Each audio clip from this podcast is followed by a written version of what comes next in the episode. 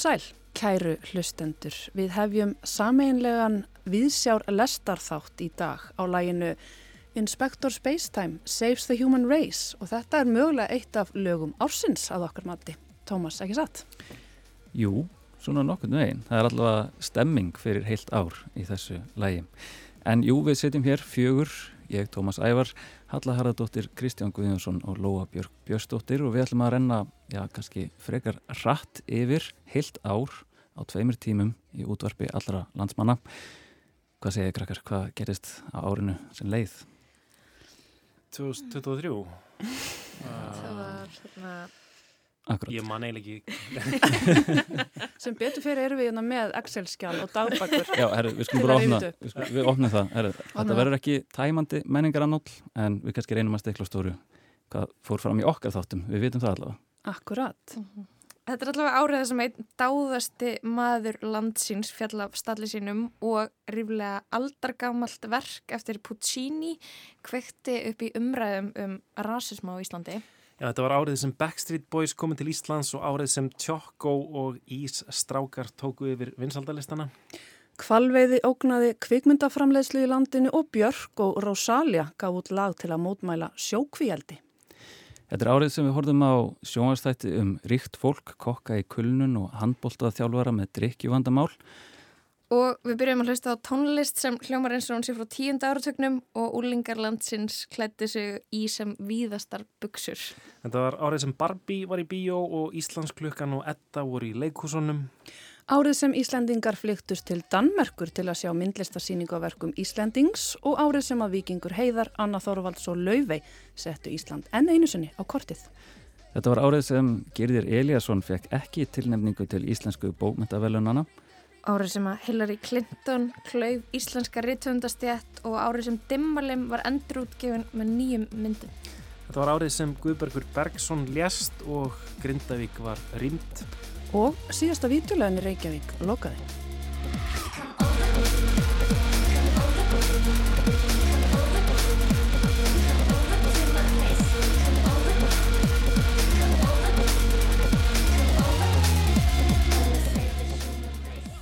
Já, þetta menningarár 2023 byrjaði eh, með kvelli, byrjaði með villibráð, eh, kveikmynd Elsumarju Jakobsdóttur eh, eftir handriti Tyrfings, Tyrfingssonar.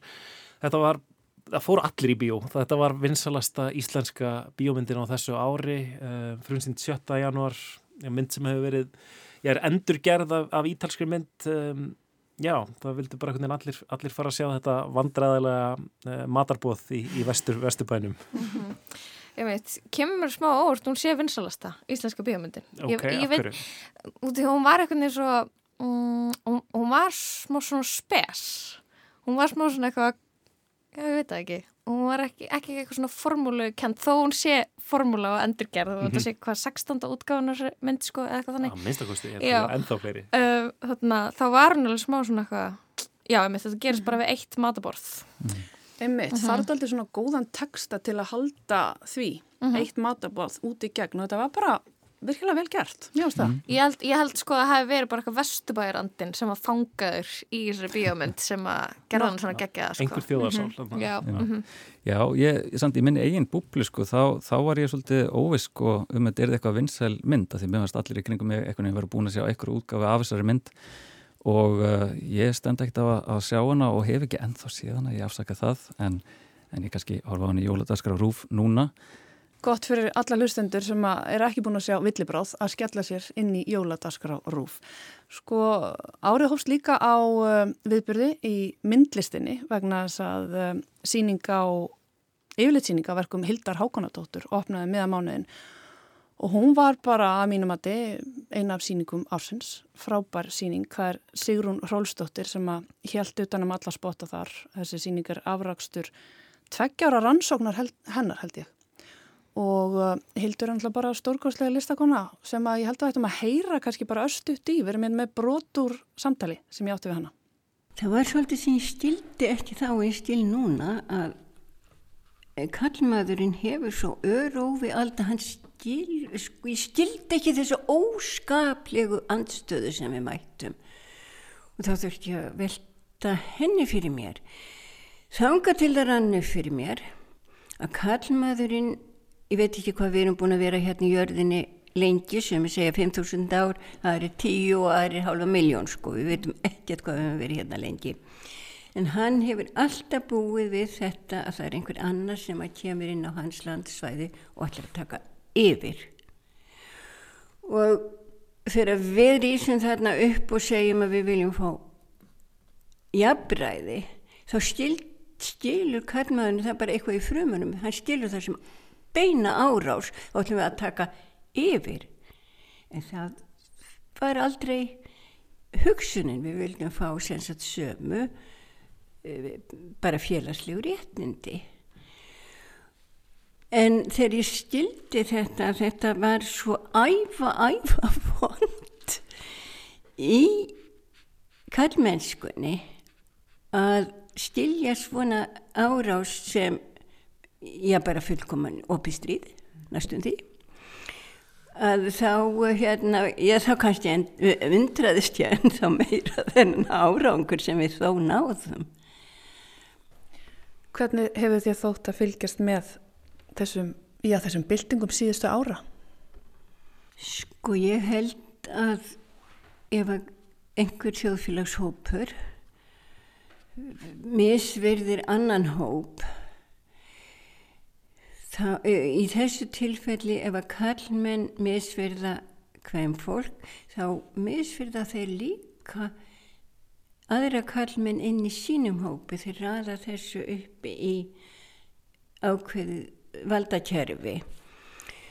Og þau samfélag sem að ef, ef við ætlum að halda áfram að búa hérna flyttum ekki til mars bara reynum að vera hérna þá heldur við verðum að læra að verða það að það þarf að vera plás fyrir alla.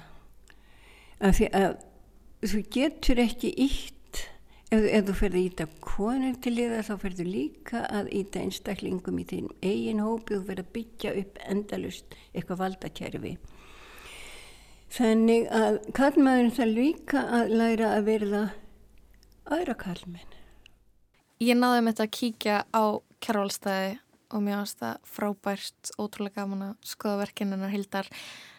Halla, því finnst þetta að vera myndlistarsýning ársins. Ég veit, ég veit hvað mér finnst vera leikúsupplöfun ársins. Það var uppsetning Rúna Skuðbrandssonar á Marasat í borgarleikusinu og þar fekk hann til liðs við sig um, eldstu og bestu leikar landsins. Um, ég spjallaði við hann í janúar áður en að sýningin var frumsýnd.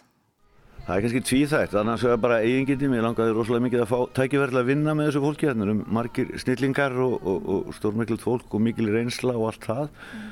Það kannski kveitir svolítið í mér bara það að mér langaði til þess, en á saman tíma langaði mér bara að gefa þessu fólki tækifæri til þess að stíga á svið. Mm. Þetta eru vannýttir starfskraftar, þetta er hérna fólk sem er í fullu fjöri og, og vil vera að vinna við listina en hérna fær kannski ekki dóla mörg tækifæri. Mm -hmm.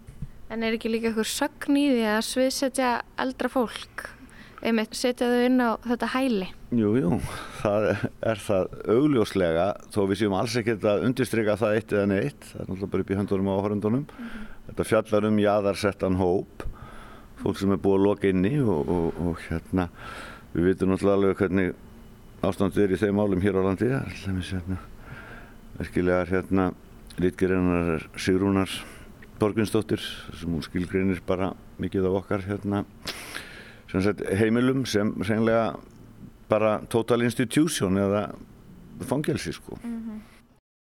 Þetta var Rúnar Guðbrandsson. Ég veit allavega að ég og þeir sem fórum með mér í leikhús á Marasat við vorum eitthvað nefn bara við vorum gapandi yfir uh, performansinum þarna í þessari síningu.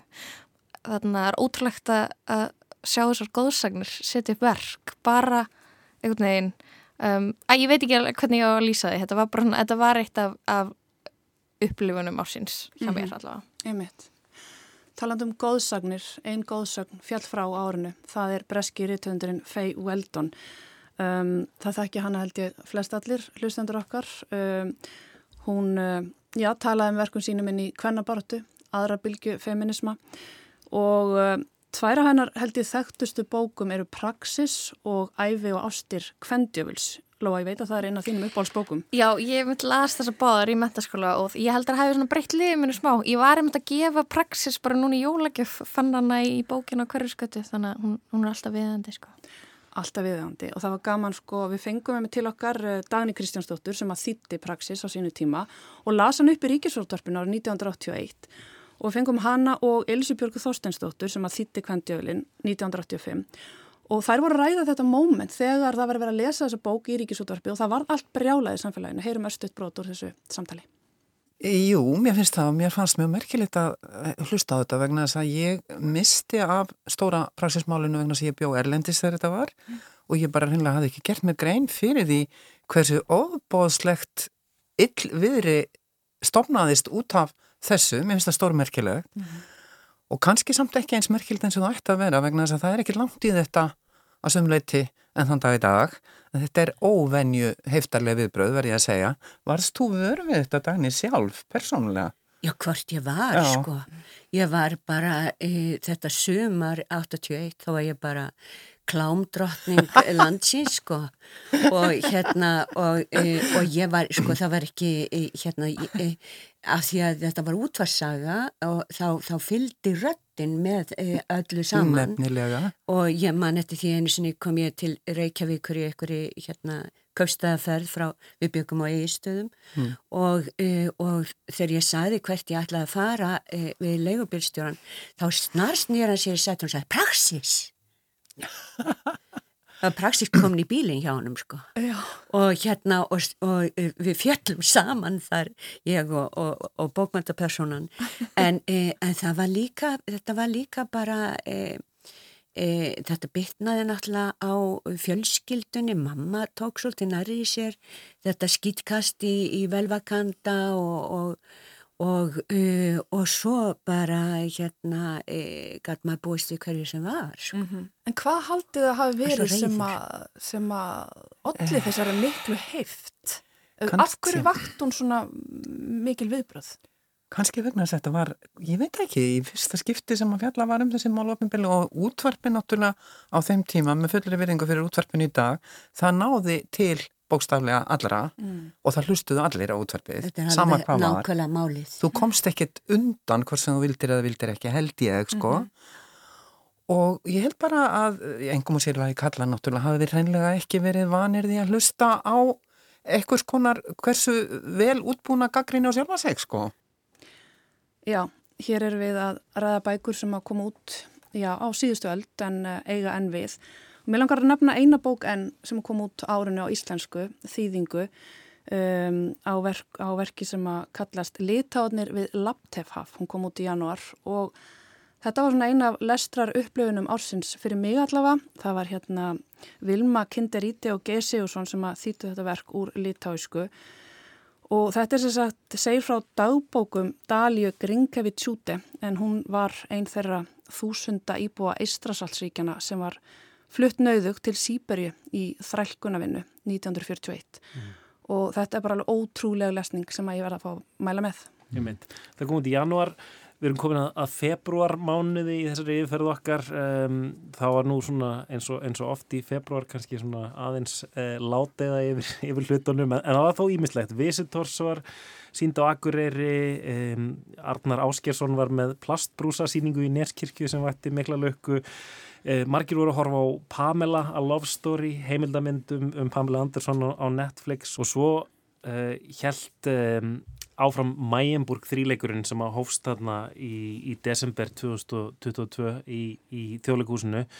Þá var eh, LMB jólasýningin, svo þarna í februar kom sýningin X. Og svo ekki málið í september. Einmitt. Já. Þessar síningar vöktu þetta mikla lukku, flest allar. Þessar fyrir tvær fengu fullt af velunum og uh, sem ég kannski man ekki alveg að nefna hver voru en það er sópuð til sín velunum og voru, já, fengu góða dóma. Og hvað er þetta ekki hjónabandi krísu? Jú, nokkur veginn, jú, svona stofudrama. Og það mætti kannski segja líka að þjóðleikusi hafi nýtt sér nánast þess að látiðu þannig í februar til þess að blása upp þessa stóru síningu og við fengum til okkar í viðsjá emitt Guðni Tómasson tók viðtal við Bjarnar Jónsson þýðanda þessara verka um allan Mæjanburg þrýleikin. Við skulum heyra aðeins hvað hann hafði að segja um verkin.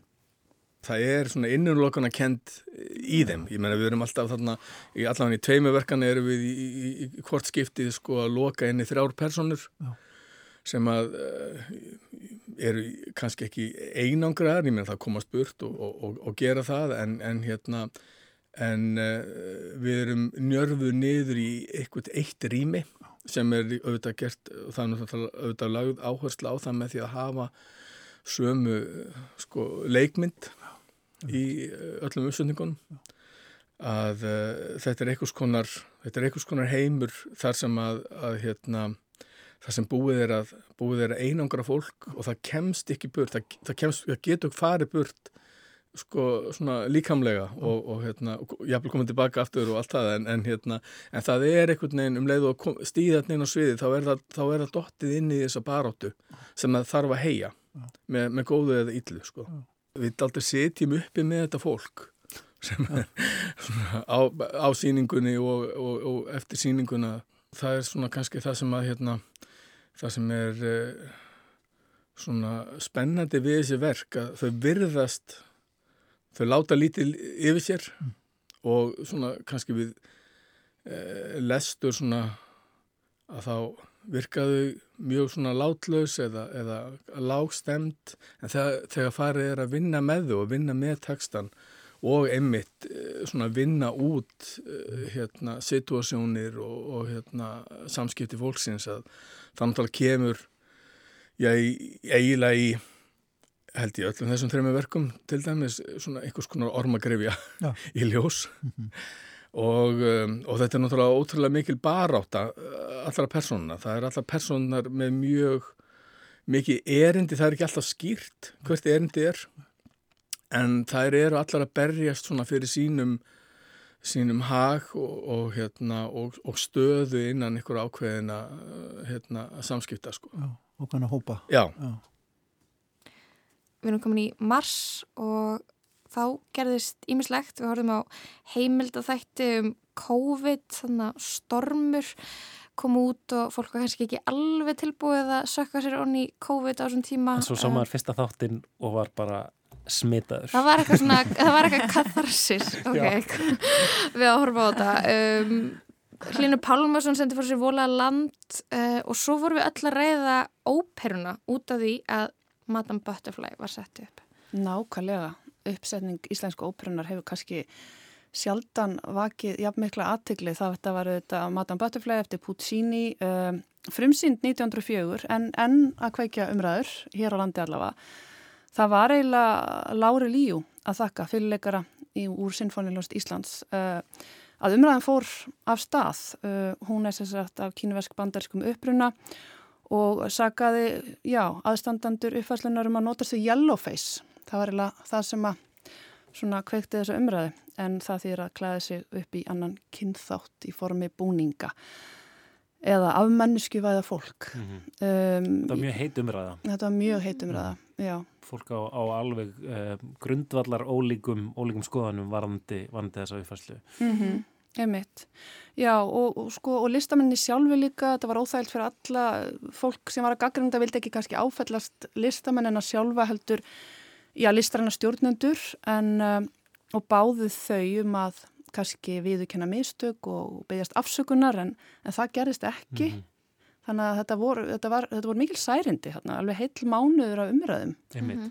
Og það sem er náttúrulega hérna, við náttúrulega búum núna í, fjölmenningar samfélagi þar sem að fólk, Íslandingar er líta út alls konar, er með alls konar uppruna og þannig, þannig að fólk let sig þetta varða sem, sem er til dæmis með asískan bakgrunn og, og, og líst einmitt sárundum sínum og svona. Algjörlega, Melanie Ubaldo, myndlistakonna, hún var nú einn þeirra, hún var hérna hjá okkur í löngu viðtalja um þetta leiti og án þess að við ætlum beint að fara inn í þessu umræðu þá hérna bara ekki var, bara ekki hjá því komist og hérna, já, hún svona lísti sínu upplöfin, ég held að þetta bara heyra östuðt í Melanie Ubaldo. Þetta er mjög fárvænleg, ég er bara, þetta ítir bara fram á yfirborði allt þetta kerfisbundin rasismi og fordómar sem er í gangi í samfélaginu sko. Bara það sem, ég er bara brjáluð út af þessu sko, þannig ég er mm. bara, já ég skil bara ekki á hverju svona almennt svona reysastofnun eins og óperunni, íslenska óperunni getur ekki bara axla óperuna fyrir þessu ákvörun bara í álverðinu þegar þau mætta til bords og var ákveð þessu síningu eða þessu óperu var í álverðinu enginn í herbyrginu sem fekk bara já, eða fekk þessu tilfinning að það er eitthvað á skeið hér og það er Mhm. það, er, það er það sem ég skil ekki sko, með allt þessu umræður sem er í gangi, bara ekki bara hér á landinu. Að ég meina það er ekki jáfn mikið hér á landinu og allstaðar í Evrópu og í bandreikunum og líka svona, einmitt, bara bara svona myndlistinni eða öllum þessum svona skapandi greinum. Við erum alltaf að tala um, við erum svo progressive.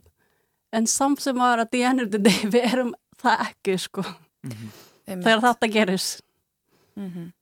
Þú meinar að listin eigi að vera framsækin við segjum þess að vera mjög framsækin og mest progressive á, öllum en samt sem að við erum alltaf mm að mistega okkur Einmitt. Og hvað er að gera þegar við mistíum okkur? bara að vera bara tilbúin að segja bara já, ég gerir mistak þar og það er ekki nóg að segja bara gera betur næs. Fyrir það er svo easy að segja bara gera betur næs en að gera það. Við förum úr óperunni yfir á vídeoleguna uh, þá urðu margir nostalgískir við fregnir að því að síðasta vídeolegin í Reykjavík verið að loka. Það var aðal vídeolegin á klappastíg og því tilefni þá gerðum við Kristján Heilan þema þátt í lestinni þar sem við reyndum eitthvað að gera upp sögu vídeolegunar á Íslandi og margt forvitnilegt sem kom þar fram eins og þarna dæmi í breiðholti Einmitt sjóraningastöðarnar í, í, í breiðholtinu eða bara í, í fjölbýlishúsum um all land. Já, þegar fólk setti spólu í eitt tæki og svo tengdi saman öll sjónvarpin og svo, svo voru fólk að horfa á sama tíma. Býtu bara eins og bíó í blokkinni? Já, þetta er geggjað, sko. Vá. Mm En já, við, við spjallum við mikið af fólki og við fengum fólk líka til að senda inn eitthvað svona minningar af vídeolegum og þarna, það var ótrúlega gaman að heyra í starfs, fyrir um starfsmönnum vídeolega líka, sko.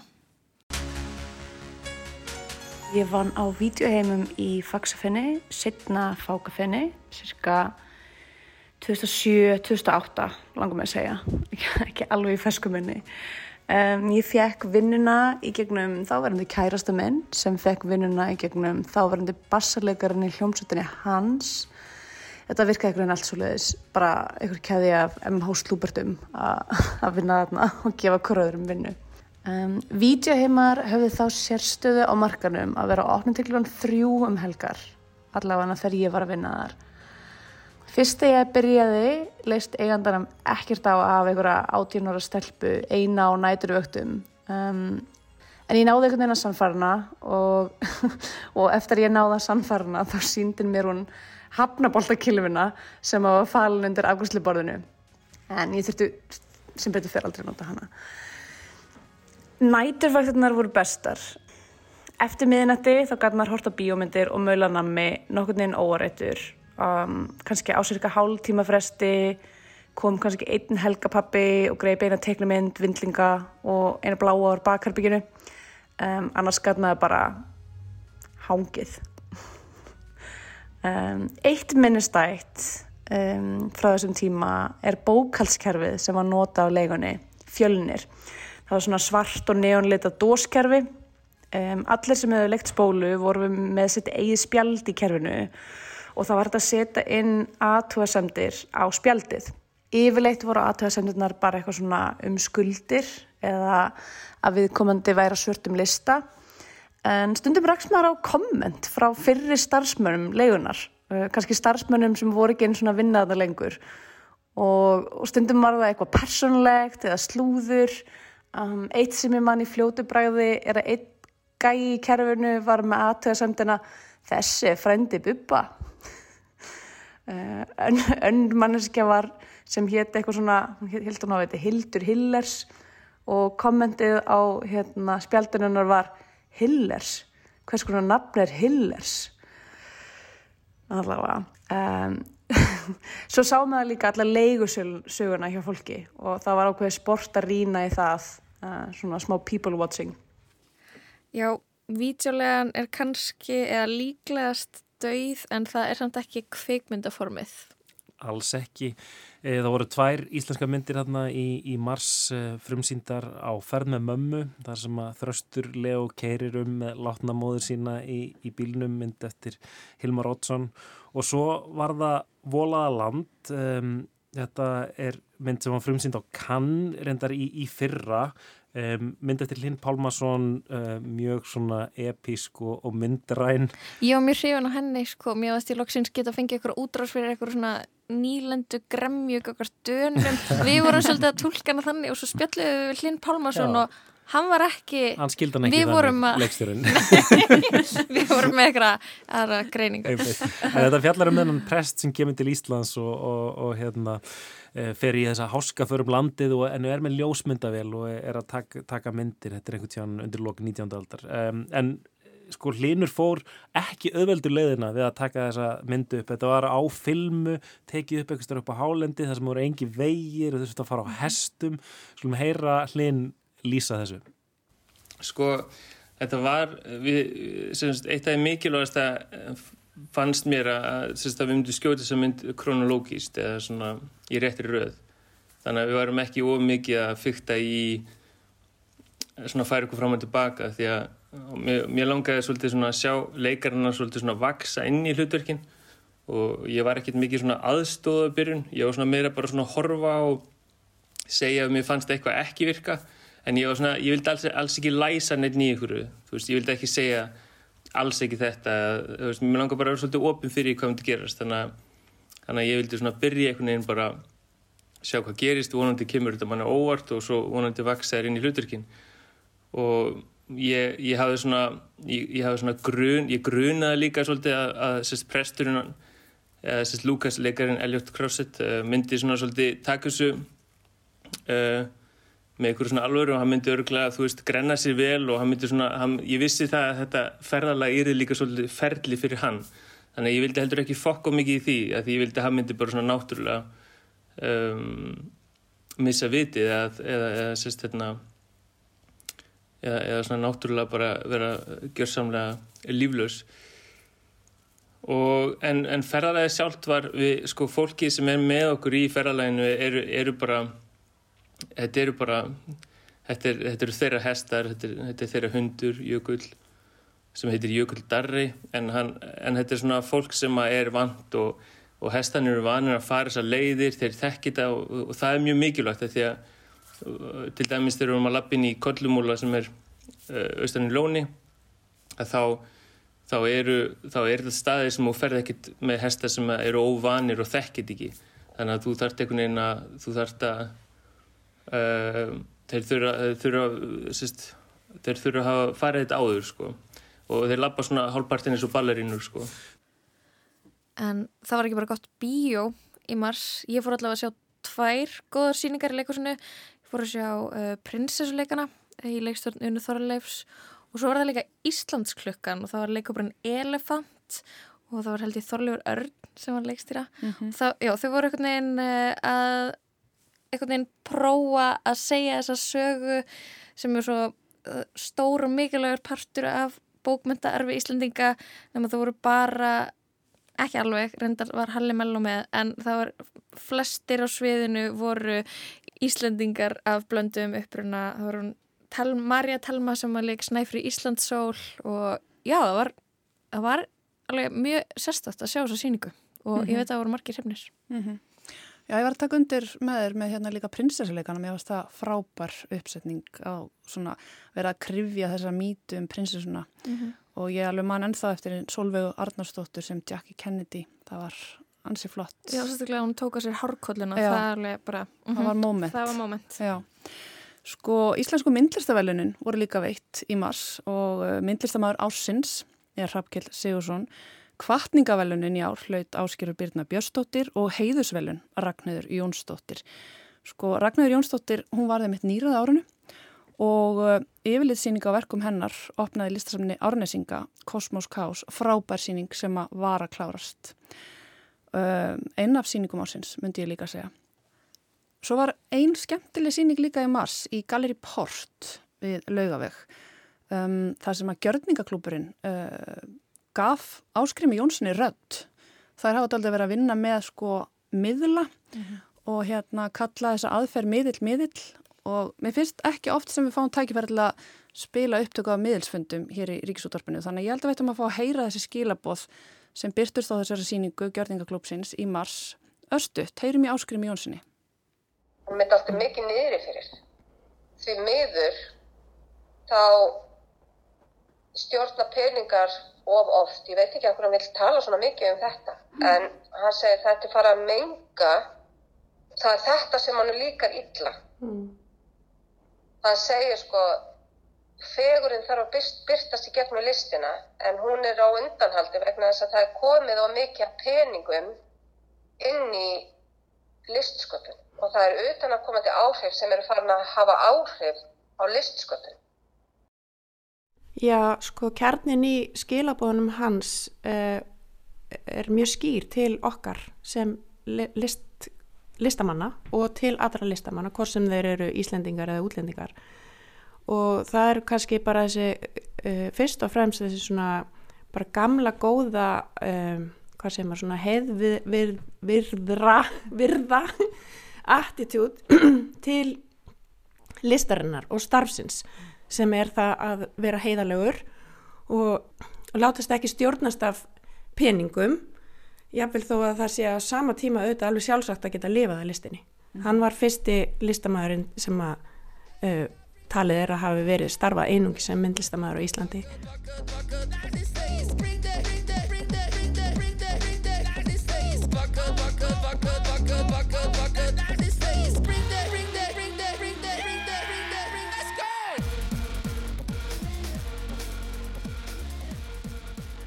Vorum að tala um döða vídeolegunar áðan, um, það var annað fyrirbæri sem dó uh, í mars, lókmars, það var um, fréttablaðið. En eitt uh, dagblaðið sem að, sem að uh, fer yfir móðun og miklu.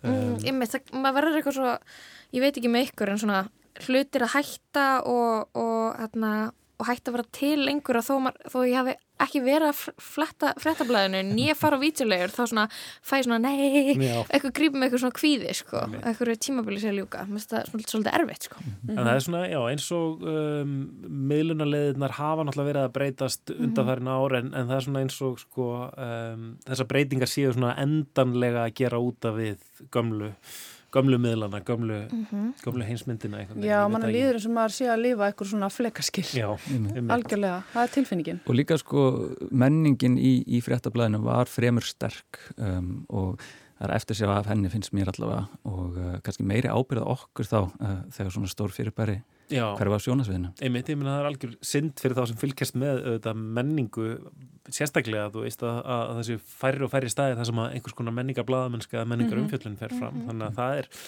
það er alltaf áhyggju efni Já, mér finnst líka bara sorglegt að geta ekki flett blöðum, kannski er ég bara of nostalgísk eða eitthvað, ég veit ekki, mér finnst það sakna þessara stundardóltið, ég verði ekki um það.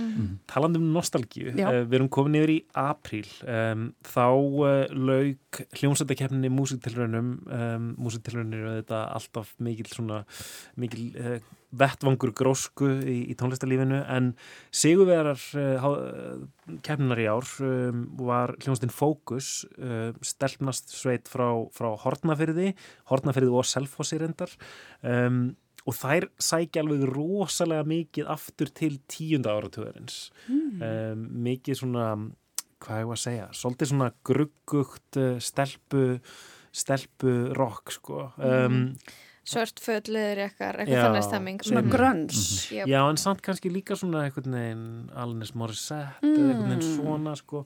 Og það er svona búið að vera einhver svona, svona tíunda áratugs þrá í gangi, 90s revival sérstaklega kannski í, í svona einhvern veginn grasrótinni, mér veist mikið af hljómsveitum að sækja í þennan tíma og tískan líka um, já, hljómsveitin Sucks to be you Nigel sem er í uppáhaldi á mér er, er, er að sækja mikið þangað aftur og, og hérna en, en fókus eh, hérna Sigruðu þarna 3.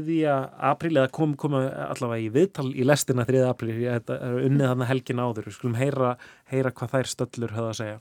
Þessi tónlist sem þeir eru að spila um, svona, svona tilfinningin sem ég fæ er svona einhvern veginn svona ég veit ekki, svona 90s ameríst rock hvað, hérna, hva, hvert eru þið svona að horfa og hvað hérna, hva eru það að hlusta og, og, og fíla og hvert, hvað, eru það að gera í tónlistin ykkar? Já, þetta er, þetta er það sem okkur langar. Já.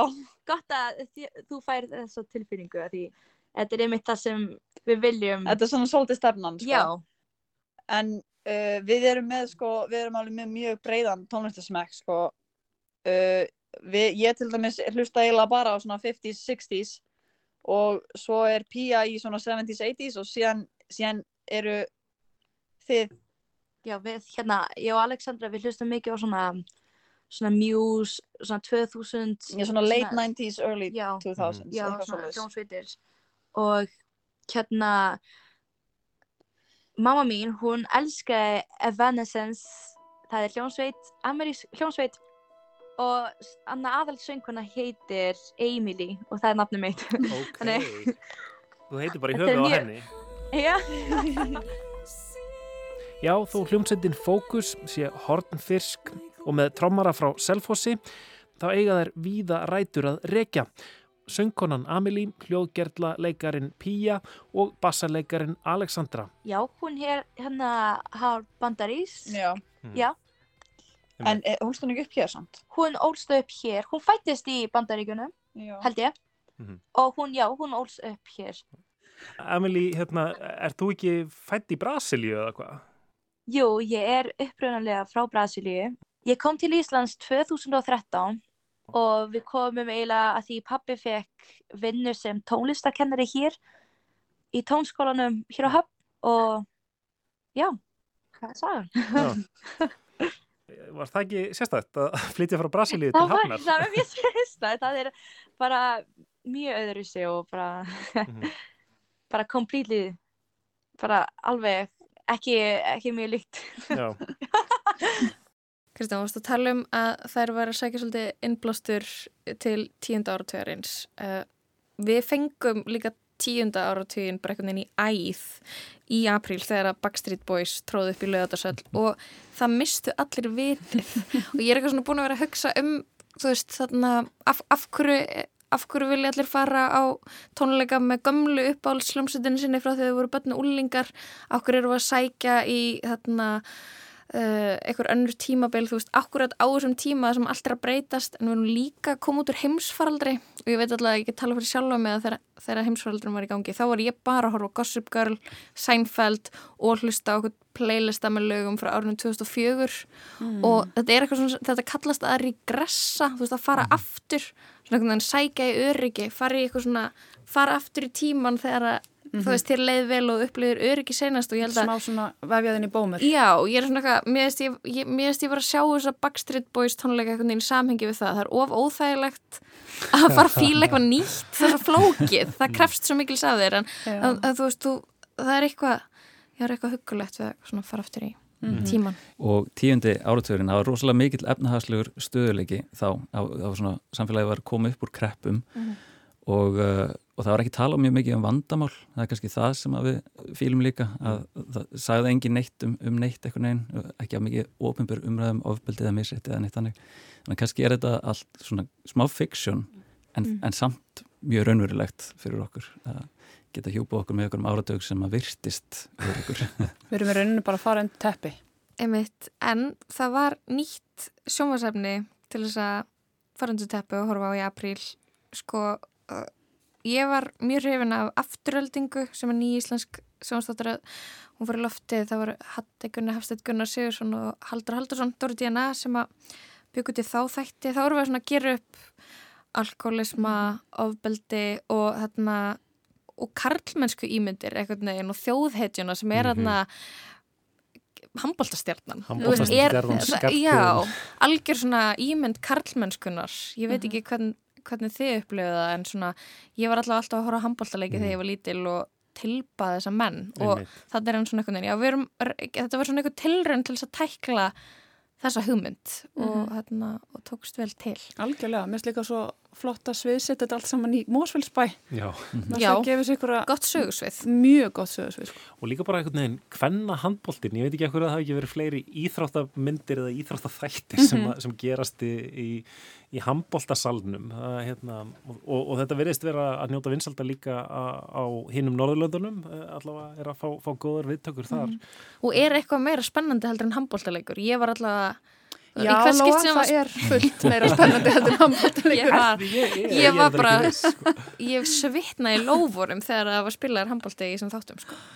Einmitt, já, þeir nutum mikill að vinsalda um, það, það var svona íslenska sjóhansætti myndi ég halda mm -hmm. sem, a, sem að naut mestra vinsalda á þessu ári mm -hmm. allavega svona mest umræða um það og ka kaffistofum bæjarins hvort að fólk karnaðist við þessar típur úr, úr íþrótta, íþrótta félögum Skarp, Skarpa típuna Skarpa típuna mm -hmm. um, en, en í erlendu sjónvarpi þá er það nú líklega bandarísku þættinir Succession sem að voru svona mest umtalaðir. Það var fjórða og síðasta séri af þeim þáttum sem að, sem að fór í loftið um, þættir um ógeðslega ríkt fólk í ógeðslegum eh, fjölskyldusambundum Já, eitthvað þannig. Sko ég dyrka þessa þætti uh, og mér finnst mjög leðilt að vera að klárast en þeir enduðu einhvern veginn á einhverju mestu styrlun sem ég segi í sjónvarpi.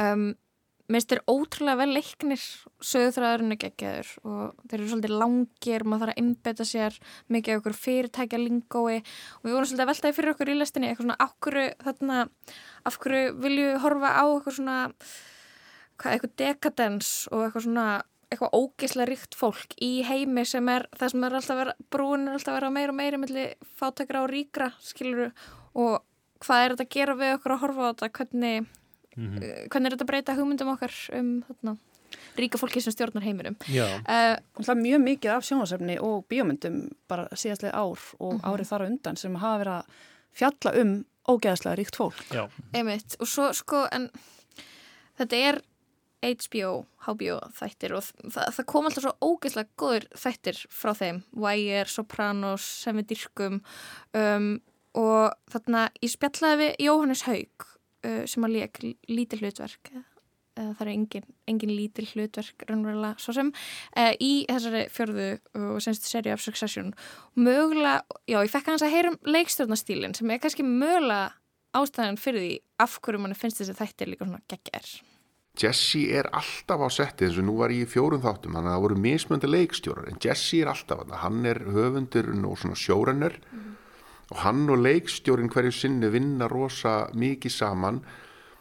Og það segir vilja gera eins og þetta atriði sem að það sem við erum að nýðast á Greg þetta var tekið upp sko með minnir þetta að vera alveg 8 eða 10 mínúna að taka já þetta er svona 8 eða 10 mínúna að taka það sem þetta byrjar með Tom og Greg tala saman svo fer þetta svona á milli en þeir taka þetta allt upp í einu þó að þeir klippið þetta svo niður. Hana, og þeir reyna ofta að gera þetta sem ég hef svo sem ekki orði var við í öðrum sjónvastáttum ef margar senur gerast á sama staðnum þá reynar alltaf að sauma það saman og taka það upp sem svona langt leikrit. Þannig ná þeir svona betri flæði í þetta og, og svo er, þeir, er Jesse endalust að stinga að manni alls konar setningum og prófa að segja þetta og, og hérna þannig að og þeir hvetja mann líka til þess að bara ef mann er dettir eitthvað hug bara kottu bara með það og þannig að maður svona stundum let bara eitthvað flakka og hérna en svo kannski rataði ekkert í final klippið en stundum geraði það. En þeir eru svona smá spunni og þeir eru svona smá frjáls en... Já, að, svona innan rammans þeir, þetta er rosalega meitlað sko, þetta sem þú tala um þetta valda jafnvæði, hvernig það breytist og skiptist, þeir eru rosalega að passa saman upp á það. Og svo eru þeir líka að passa saman upp á spunan maður var líka varfið eins og sé í, í þáttum þar sem ég er rosalega mikið með skarskort þá hvetja leikarinn í að spinna en ef að leikarinn eru fannir að spinna of mikið eða komnir í eitthvað ruggl mm. þá koma þeir og rétta það af og þannig að þeir eru og sérstaklega þessi Jesse, hann er aðal, aðal maðurinn í þessu að, að vita alltaf hvar balansin er í senunum, en ég myndi segja svona helstu munurinn á þessu öðru eru þessar löngu, löngu tökur sem þeir reyna alltaf að ná og er alltaf með þrjár myndavelar í einu og alltaf þessar zoomlinsur, maður sér að þegar maður horfður á þættin að rammin er alltaf að fara svona inn og út það er vegna þess að þeir, þeir eru alltaf með þrjár myndavelar og ein myndavel getur verið að skjóta close-up, two-shot eða vítt mm -hmm. og maður veit aldrei hvað er í gangi sko. Já, við vorum hérna að ræða hérna geysi vinsælu sjónvastáttaröð Succession sem að mögulega ber höfuð og herðar yfir aðrar, myndi ég segja og við öll held ég. Já, í samanlega. Um, við erum komin fram á vor næstuðu sumar, við erum hérna, það er lok april í þessari yfirferð okkar hérna í Viðsjá Lest dagsins. Sko, við verðum að nefna að mæstjarnan var veitt í lok april og það var Bergþóra Snæbjörnsdóttir sem var hlut hanna í ár fyrir ljóðabókina Allt sem er rennur. Og svo erum við með hérna á lista líka að uh, já, japanska tónskaldið Sakamoto, hann fjall frá í uh, april á þessu ári. Og það var auðvitað margir sem að myndust hans. uh, þá eru komin yfir í mæ, hvað var að gerast í mæ? Það gerist margt í mæ við fengum loksins að kynast tónlistamannum sem við vissum ekki að við þráðum sem er Pretty Boy Tjokko eða Patrik Allarsson um, svo fór Hönnunarmars fram að venju núna í mæ Um, handriðstöfundar í Hollywood voru í verkfalli listamæðurinn O.D. Um, sendi afsökunarbeðni í nafni Samherja sem hluti af lokaverkefninu sínu frá Listáskóla Íslands og svo kvöttu við líka Jórunni Sigurðardóttur uh, hún hætti með orðum bækur eftir, eftir marg, mörg ára að því að mm. sinna, sinna bókmyndum hérna á, á rás 1 Það voru tímamót, tímamót. Mm. Jóhannes Ólarsson teki við farin í hennar fótspor með Já. þáttinn bara bækur þetta var svona helst að frétta kannski hjá okkur hérna á rásinni Já, svo var um, Skjaldborgarháttíðin fór fram líka um, hvað meira? Einmitt, það var nú ein, uh, einmitt mynd sem ég mann sérstaklega eftir þar sem var heimildamindin Skuld mm -hmm. um uh, par á miðjum aldri sem að já, hvað að sökka sér í skuldir og hérna og svona auðra kannski sjálfum sér og hérna feta í fótspór feðrana og gerast trillusjóman. Mm. Það var mjög persónlegt svona portrétt af þeim. Mm, svo, var, einmitt, svo var líka heimalegurinn síndur á Skjálborg. Það var ósláð skemmtilega mynd að það gerist, gerist Snæfellsnesi um, ákveða að láta draum rætast og spila fyrsta heimalegin á, á fókbóltavelli það, það var geggjumend Alltaf gaman á Skjálborg En júni þá nú sumarið eiginlega farið að láta á sér kræla loksins, um, það var svolítið umræðið um storytell, ritthöfundar að kvarta yfir uh, greiðslum sem þeir fár frá, frá hljóðbókarísanum sænska. Mm -hmm. Og svo langar með að nafna líka tvær áhugaverðar síningar sem að opnuðu í júni. Það var síning Rósu Gísladóttur Fóra í gerðarsafni og síning Dýrfinu Benitu í Djessal í Hafnarúsinu. Tvær virkilega góðar síningar. Mm -hmm. Við fengum til okkar skemmtilegan tónlistamann í viðtal í lestina í júni, hann Gunnar Gunstensson, hann gaf, uh, sendi frá sér svona mjög forveitnilega og skemmtilega plötu stefnu yfirlýsing húsvarðarins A Janitors Manifesto. Ég var svolítið mikið að hlusta á, á þessa í sumar og maður langaði svo að spila lag af Janitors Manifesto, lagið Neurotica, minnst það mjög skemmtilegt. Við skulum setja það á hérna í lókin. Við erum að sprengja tíman í fyrirluta þessarar árs yfirferðar hjá Vísjá Lest. Það komið að frettum og við heldum áfram með setniluta árs en sér eftir frettir.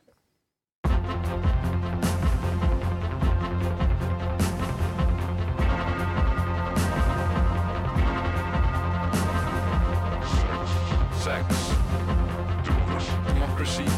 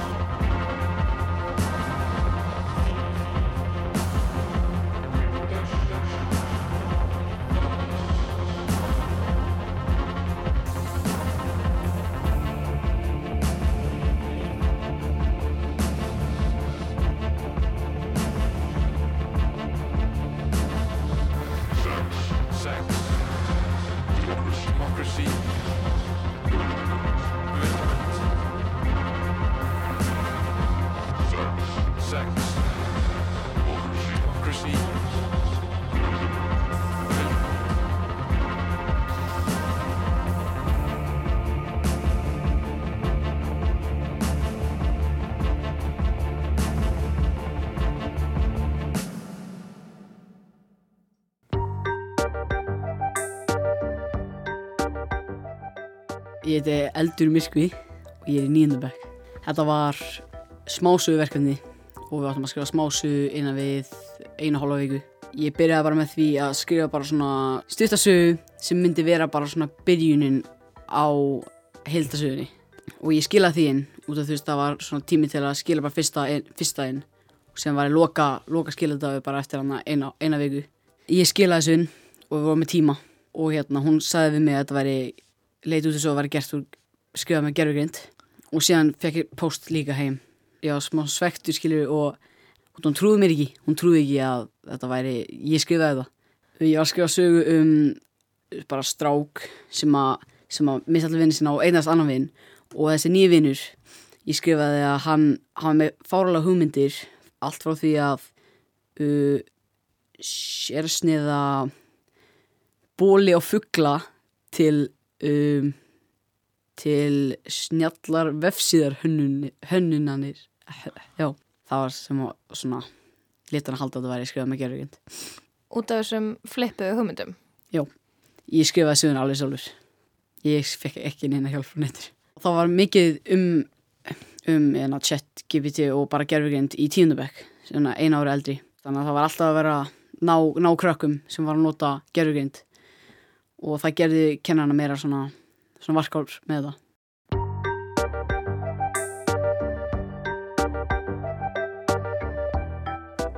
Við setjum hérna umsjónumenn lestarinnar og viðsjár saman og erum að gera upp uh, árið 2023 Kristján, Halla, Tómas og Lóa. Við heyrðum hérna í honum Eldari Myrkva sem er í nýjunda bekk og um, já, fann, fyr, fann, fann fyrir uh, gerfigrindinni eins og svo margir þetta árið uh, var sagaður um að falsa, falsa rittgerð í, í, tíma. Þetta var brot úr gerfigrindarlestinni sem að var seria sem við unnum í júni þar sem að við gerðum til raun til þess að láta gerfigrind búa til heilan lestarþátt og serían fjallaði um þessa vegferð okkar að því að eiginlega bara útvista vinnun okkar og gera okkur óþörf. Og vorum svona að skoða hvert gerfugrindin væri komin um, bæði að búa til texta, búa til myndir, búa til tónlist. Og fá góðar hugmyndir. Og fá góðar hugmyndir uh, og þetta eru allt svona hlutir sem að ég held að fólk á, á sviði menningarinnar hefur verið að velta mjög mikið fyrir sér sérstaklega á þessu ári þó að svona, það hefur kannski verið undir lók síðasta ár sem að ChatGPT og þessi svona myndvinnslu forrið, þessi svona spunagreind eða skapandi gerfugreind byrjaði einhvern veginn að, að vekja aðtegli en þetta ár hefur, hefur fólk svona verið að átta sig á ógninu myndi ég að segja. Mm -hmm. Fólk hrætt um að það sé að fara að missa vinnuna svona jafnvel sko. Í alls konar skapandi störfum. Mm -hmm. Já, einmitt, það var mikil umræða um það meðal þýðenda til dæmis í sumar. Já, minnst þetta skipta svona í tvo hluta. Það er fólk sem að óttast þetta en svo eru þetta líka margir sem sjáu þetta tækifæri. Og það verður að nýta þetta á skapandi hátt líka. Mm -hmm. En já, ég myndi segja sko þessi seria okkar við lögum mikla vinni í hana og, og, og niðurstaðan síðan var þessi e, gerfigreindar smíðaði útastáttur svo fyrsti íslenskri útastöfu ég myndi segja að þetta er svona stór viðbröður í íslensku menningar ári, það ekki? Jú, klálega uh, svo, Já, svo fór gerfugreindarleistin fór í loftið og það fóru allir í sömafrí nema ég, ég var hérna uh, röndi, gerði heðlega til hann til þess að vera menningarbladamöður í júli Það getur verið erfitt, gúrkutíð stundum. Það voru þetta bíómyndi sem björguðir, var það ekki? Jú, það voru Barbie og Oppenheimer. Mm -hmm. uh, Ég mitt mér leittist svo mikið í Reykjavík það var svo lítið að frétta hérna. Ég ákvaði að fara á Ísafjörð og reyna einhvern veginn að gera ísfrisku menningarlifi skil, getur oft verið meira frett át á landi heldur en í Reykjavík.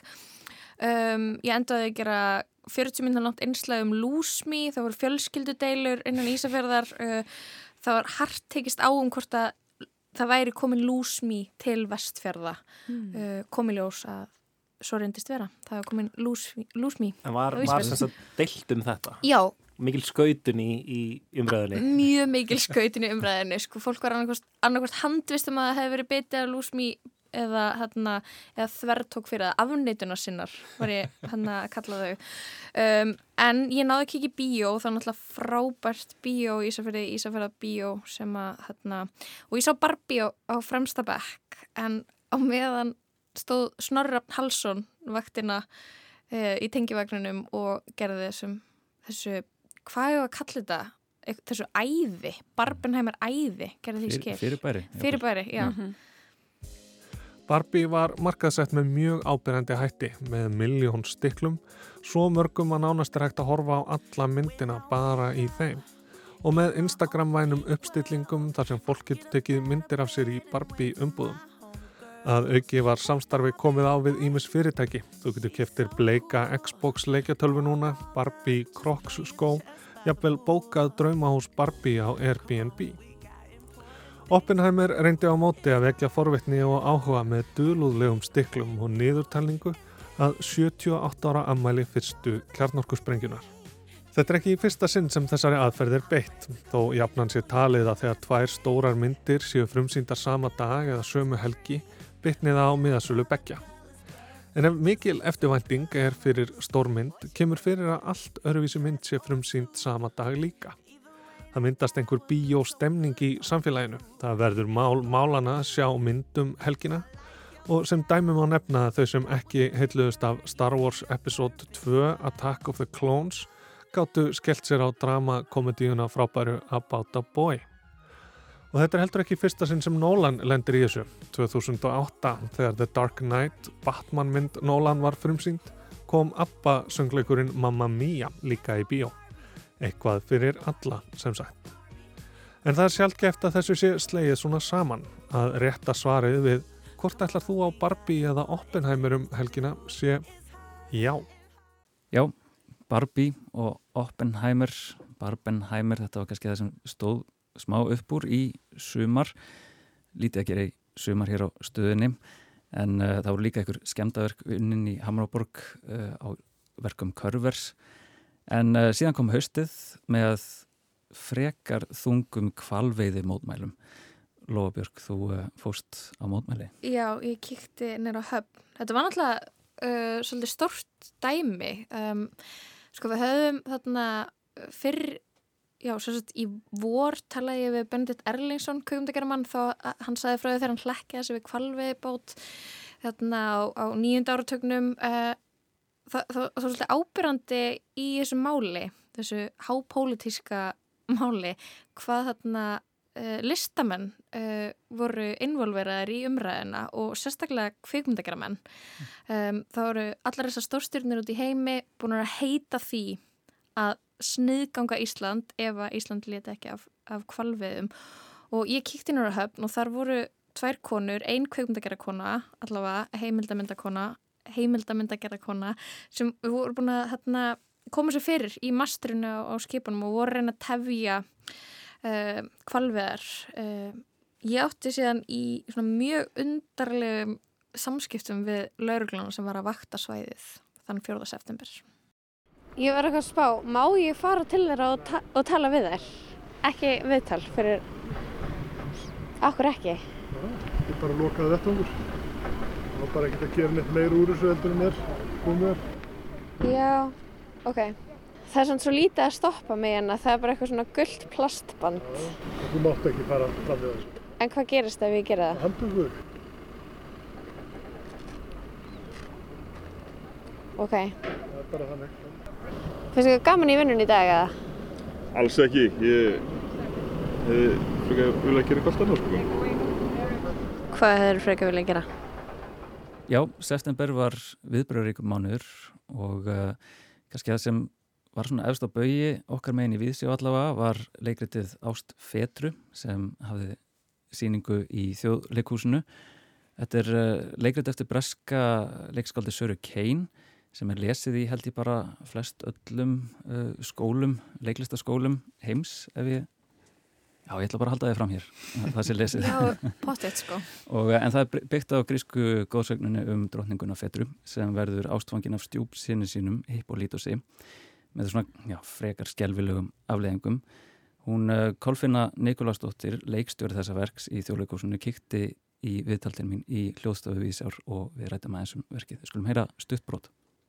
Það er ást Fetru, sko, það er svona þessi óþrjótandi hérna svona óbílandi aðdáin og þrá og ást á ungum svona míti okkar gaurum sko eins og Hippo kannski er að einhverju leiti þó hann sé líka brilljant sko. En hann er svona þannig hann hefur mætt hann hefur aldrei mætt lokuðum dyrum, hann er prins. Hann er, hún hefur kannski aldrei verið sett neyn mörg aldrei neitt sagt nei við hann skiluru og þar leðandi hefur kannski hans persóna þróast út í það að vera svolítið sama um allt. Og hann hefur kannski ekki fengið að þjálfa einhverjar speilfrumur eða, eða þann stað í heilanum þar sem samkendin er. Og hann er einmanna, hann er fullur af skorti og, og haga sér ítla, ég meina hann er bara hann að runga sér og er að, þú veist, er ógíslegur skilur og hættur að baða sér og bara búin að gefast upp. Og sem stafa líka af gáfum. Hann er, hann er óbáslega vel gefin sko og sér í gegnum allt. En já, hann, hann þjáist af fíkn, hann er fíkil kynlífsfíkil og, og, og og líka bara hann konsjúmar endalust þú veist, skjá þú veist, hann er með eins og við tólkum hann, þá er hann að horfa endalust á eitthvað í símanum eða á stórum sjómarskjá og, og hérna, og svo borðar hann endalust og, og heyrðir eitt um sig. En hún er samt ástfangin á honum og heimurinn er samt ástfangin á honum. All, að, pöpullin, fólkið þegnarnir uh, fólkið villan líka. Þrátt fyrir í rauninni allt. Mm. og, og, og maður sér þetta svona, eða þetta er svona mín tólkun á þetta og við rættum þetta mikið svona óþól einhvern veginn samfélagsins á ungu hvern fólki og fetra er þannig sko, hún, hún getur ekki strófu dóttu sína, hún sér hann ekki, vill hann ekki horfir ekki á hana. Og hún sér eiginlega ekki neitt annað en hippó sko og verður predator einhvern veginn í gegnum það. Í september barst einnig sorg, sorgarfrettin um uh, lát rittundarins Guðbergs Bergsonar Hann lest á heimili sínu þann 4. september og uh, við vísi á ákveðum að fara stuttlega yfir æfi hans á jarðafæra daginn 29. september þar sem við grófum upp uh, brotur kistu og rættum stuttlega við Byrnu Bjarnadóttur sérfræðing í bókmyndum við Mála og menningadeild Háskóla Íslands og við spurðum hann að þessa feiknarstóru spurningar sem er kannski erfitt að uh, svara akkurat núna að það er kannski að líða umgóður áratugur eða tveir þar til við getum fara að pæla almennilega í þessu en hún gaf okkur mjög greina gott svar. Hver er arfleið Guðbergs Bergsonar? Ætla má, þess að byrja þannig, ætla má að, þarna, að þessi arfleið, sko, hún sé annarsvegar ofin úr einstaklingsbundinni reynslu af skaldverkum viðkomandi sem tekur mið að hvort vekja innra og ytra borði verkana og svo hins vegar umræðunni hverju sinni. Og eins og við þekkjum svo vel á, í okkar samtíma að þá getur umræðan hverju sinni átt að til að að gera sig kannski meira matur úr ytraborðinu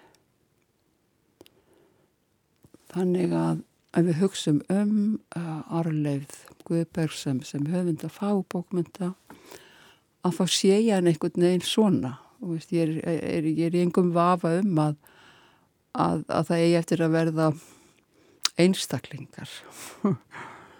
Og ekki bara hér að því að hann hlapp á þýðaverkin hans og víða. Og hann er, hann náði landi sem, sem mikilhæfur evropskur höfundur Þannig að, já, þetta sé ég gerast, sko, það verða einstaklingar sem er nöðlast reynsluna af, af því sem er bæði, eins og ég nefndi á þann, þetta ytra borð og, og, og, og það, sem er, það sem er fyrir innan. Og svo munu þessar fagubókmyndir eins og, eins og gengur með fagubókmyndir í veraldar sögunni sko þær eiga eftir að, að, þarna, að ferðast í gegnum ströymin og það mun bara komið í ljós, við getum ekki sagt til um það.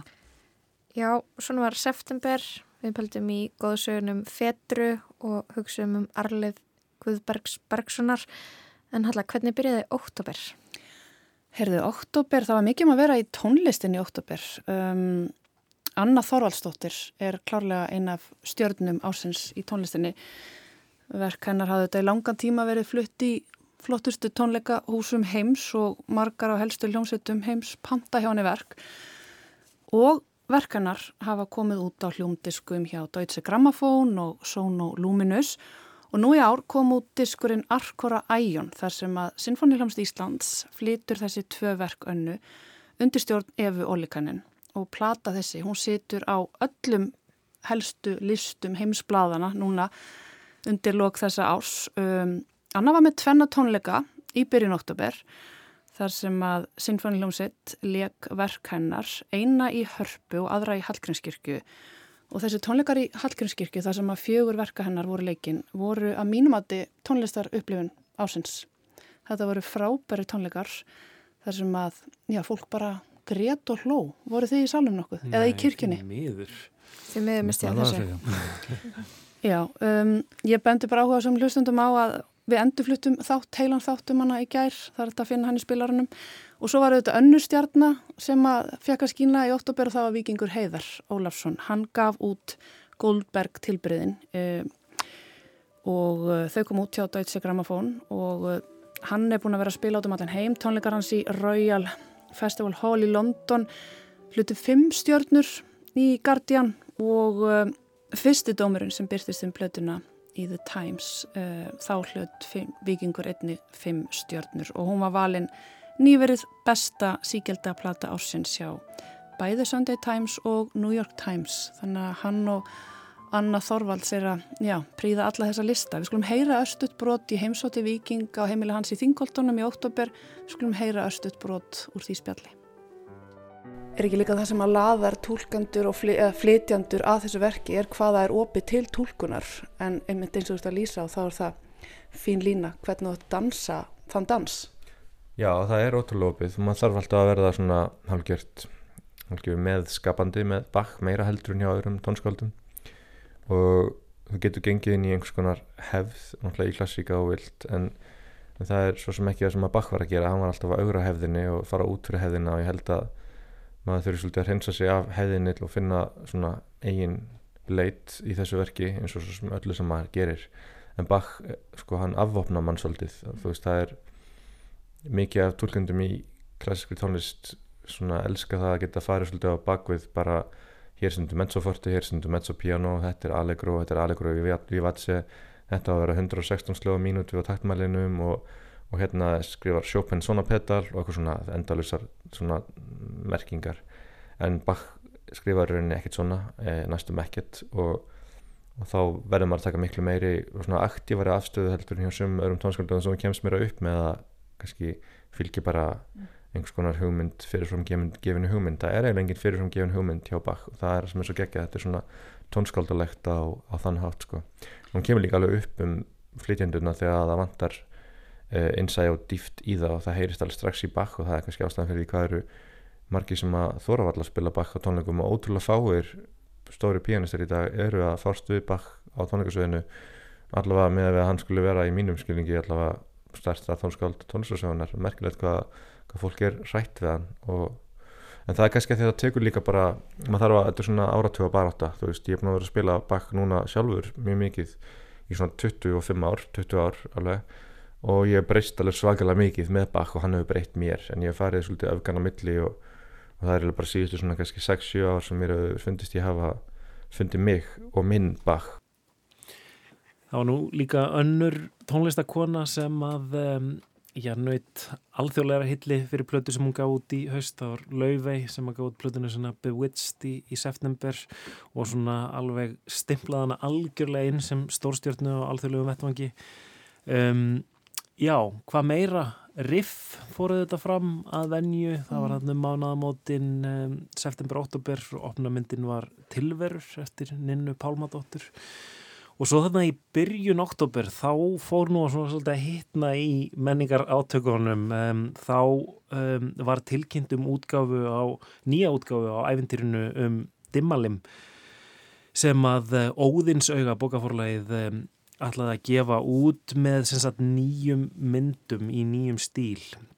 Og þetta, þetta vakti hörðiðbröð og, og ættingjar mögs Guðmundar Torstenssonar sem, sem að samti upprjónulegu söguna og, og teiknaði myndirnar þess að gerði þessa myndasögu eins og, eins og fólk vil meina að, að þetta ævintýri sé. Þau voru mjög óanað og, og við fjöldum um þetta í lestinni rættum meðal annars við Geir Rökkvaldsson sem var dóttursonur um, Guðrúnar, sýstur mögs.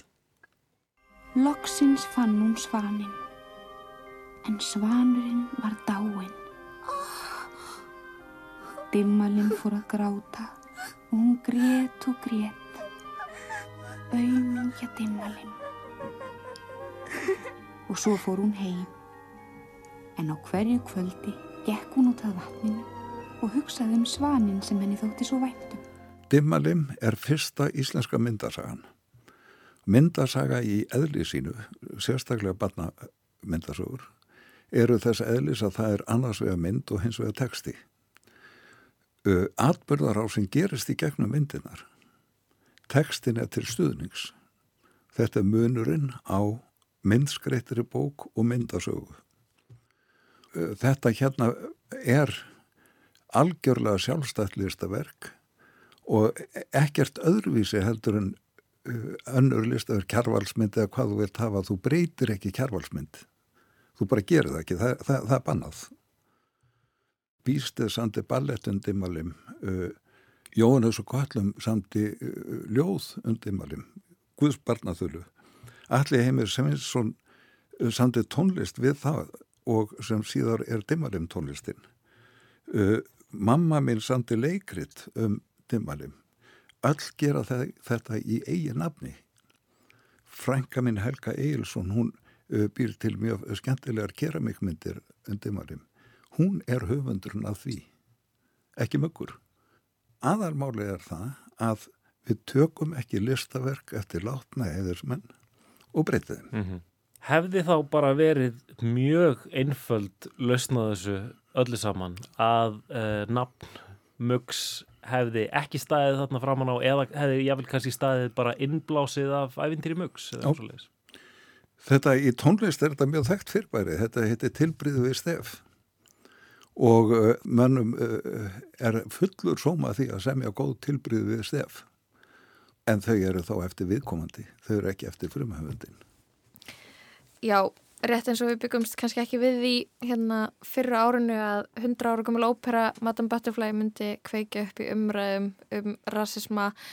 Þá bjóst ég ekki við því að, að barnabók myndi geta svona eitthvað neginn vakið svona, jafn heit viðbröð og að, að það stæði til að breytinni og eitthvað neginn uh, já, þarna það er svona eins og eitthvað neginn á okkur um, ef við erum stöndum á okkur um svona umbreytingatímum að þú veist að þegar það á að breyta því hræðir okkur einhvern veginn mjög mikið og finnst þetta mjög óþægilegt eins og að sé verið einhvern veginn að skemma fórt hérna. Einmitt, þú talaður einmitt um að sko videolegan sem er að loka fréttablaði sem mm -hmm. að hægt að koma út við erum mjög hrætt við að hlutir hætti mm -hmm. og þá einmitt þegar við förum að kannski hætta að lesa, hætta að skoða eða svona fjarlægast á þá kemur þessi ljúfsára sorg einhvern veginn til okkar mm -hmm. Ég held að þetta var líka bara að vera errið fyrir fólk því að svo mörgum þykir virkilega vænt um dimmalim. Hún er svo mikill hluti af okkur sem er, fór ég að hugsa aldrei þegar hún kom aftur inn í umræðina, kannski aldrei skrítið vegna þess að þetta er aldrei gamalt að saga um litlu þægu góðu stúlkuna sem er alltaf svo dugleg og blíð og góð. Mm -hmm. Veit ekki alveg með þess að sögu lengur. Hvað finnst ykkur um það? Nei, ég veit. Þó hún sé óskaplega falli og þetta er það kannski myndirnar sem að bera hann uppi fyrst og fremst Já og það er kannski, þess vegna það kannski punkturinn. þess vegna sem að fólk, fólk er ósátt við þessar breytingar á myndunum að Akkúrat. ég finnst það vera kannski raunverulega listaverkið. Kjarnin. Einmitt, en fyrst og fremst er þetta kannski bara bernsku minningar þar sem að þarna, við hugsaum hlýlega til einhvers tíma þegar það var lesið fyrir okkur bók sem að er væntalega ennþá til upp í skáp og enginn tekur af okkur þá það kom út ný útgáfa. En já, ég veit ekki, þú veist, kannski skrítið að setja í samingi við Madame Butterfly út þegar það var allt annað, sko, það var fólki, já, en þá, þarna, það var eitthvað svona, nei, það má ekki breyta, við þurfum að gera þetta eins og við erum vöna að gera. Mm, þá umræðina Mhm. snýrst líka um það í þarna þessu þe- þarna pælingum um þarna andlitsmálinguna að hún væri óviðandi Mhm. en bara við erum vöna að gera þannig okkur, okkur viltu taka það af mér Einmitt. en við vorum líka uh, að, við gerðum upp fleiri hluti úr forstíðinni í oktober Akkurat, það kom auðvitað út ný bók sem var eins og bara sprengja inn í umræðina. Bóka eftir Guðmund Magnússon, sagfræðing sem að já, fjallar um æf og störf sér að Friðriks Friðrikssonar, æskulísfóringja og stopnanda KFUM og KFUK og bara svona hálgerðan dýrling í okkar tölu á síðustöld má segja sem að er heldur betur fallin af sínum stalli af því að í bókuðmund sem að kallast Sera Friðrik og drengirnir hans koma fram nýsannindi um Sera Friðrik en þar greindi Guðmundur frá því að Friðrik hafi leitað á og káfað á ungum dreng. Og í framaldinu þá uh, byrtust frásagnir andra, eldri manna og ættingja þeirra. Og núna bara rétt fyrir jól þá uh, bað stjórn KFM og KFK þólendur Sera Friðriks Friðrikssonar afsökunar. Þannig að það er ímislegt búið að gerast í kjölfar útgáfið þessarar miklu bókar sem er, Einmitt. já, hansi merkileg, merkileg heimild. Og, og, og það eru þetta stittur af Friðriki, ha, hafa staðið stittur af Friðriki í bænum, bæði við valsheimilið og, og, og svo neyri við lækjagötu. Hver er staðan á þeim? Sko það er búið að taka niður styttuna í valseimilinu og það á að taka niður styttuna í lækjargötu en það hefur bara ekki enn verið gert. En við rættum þetta daldi í Vísjá í uh, óttúber. Já, uh, Ásta Kristín Benediktsdóttir, íslensku og bókmyndafræðingur, sett inn uh, langan og góðan uh, Facebook-pistil þar sem að hún fjallaði um grein sem hún hafi skriðað fyrir um tíu árum síðan sem byrtist í menningatímaritinu Spássíunni. Grein sem nefnist það var sem undra eldur brinni um mögulega hins einn skáldsögu og hún segir að uh, þessi saga hans uh, Fridrik sem nefndist Sölvi kemur út, ég held að hún sé 700 blaðsögur í tveimur bindum uh, kemur út hana 1947 og 48 að hún sé bara frekar augljóslega um uh, ástir Karla og homoerotík skulum heyra hvað hún hafði að segja um bókina.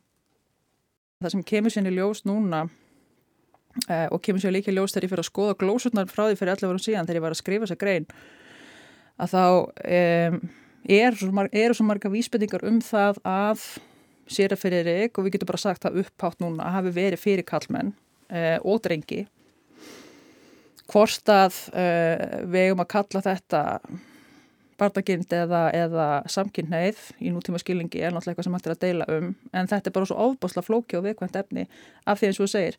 Á þessum, þessum tíma þá var voru hugmyndi fólks um samkynja langanir um, bara allt, allt, allt aðra í dag voru notu allt unnur orð, allt unnur hugtök og það var ekki gerður þessi skýri greinamunur á aldri ástafiðfangsins uh, eins og er í dag. Einmitt. En nú eru mikið upplýsingum að koma fram varandi líf Friðriks emitt og, og sérstaklega eftir þetta kilju viðtal við Guðmund Magnússon uh, þar sem að kemur fram að hann svona hafi eiginlega hálf neðst til þess að stopna K5K og, og síðan uh, náttúrulega þessi saga sem hann fer bókstaflega eiginlega innan klæða á ungun dreng. Uh, er eitthvað af þessu sem kemur þér á óvart eftir að hafa rannsakað bækur hans og, og líf?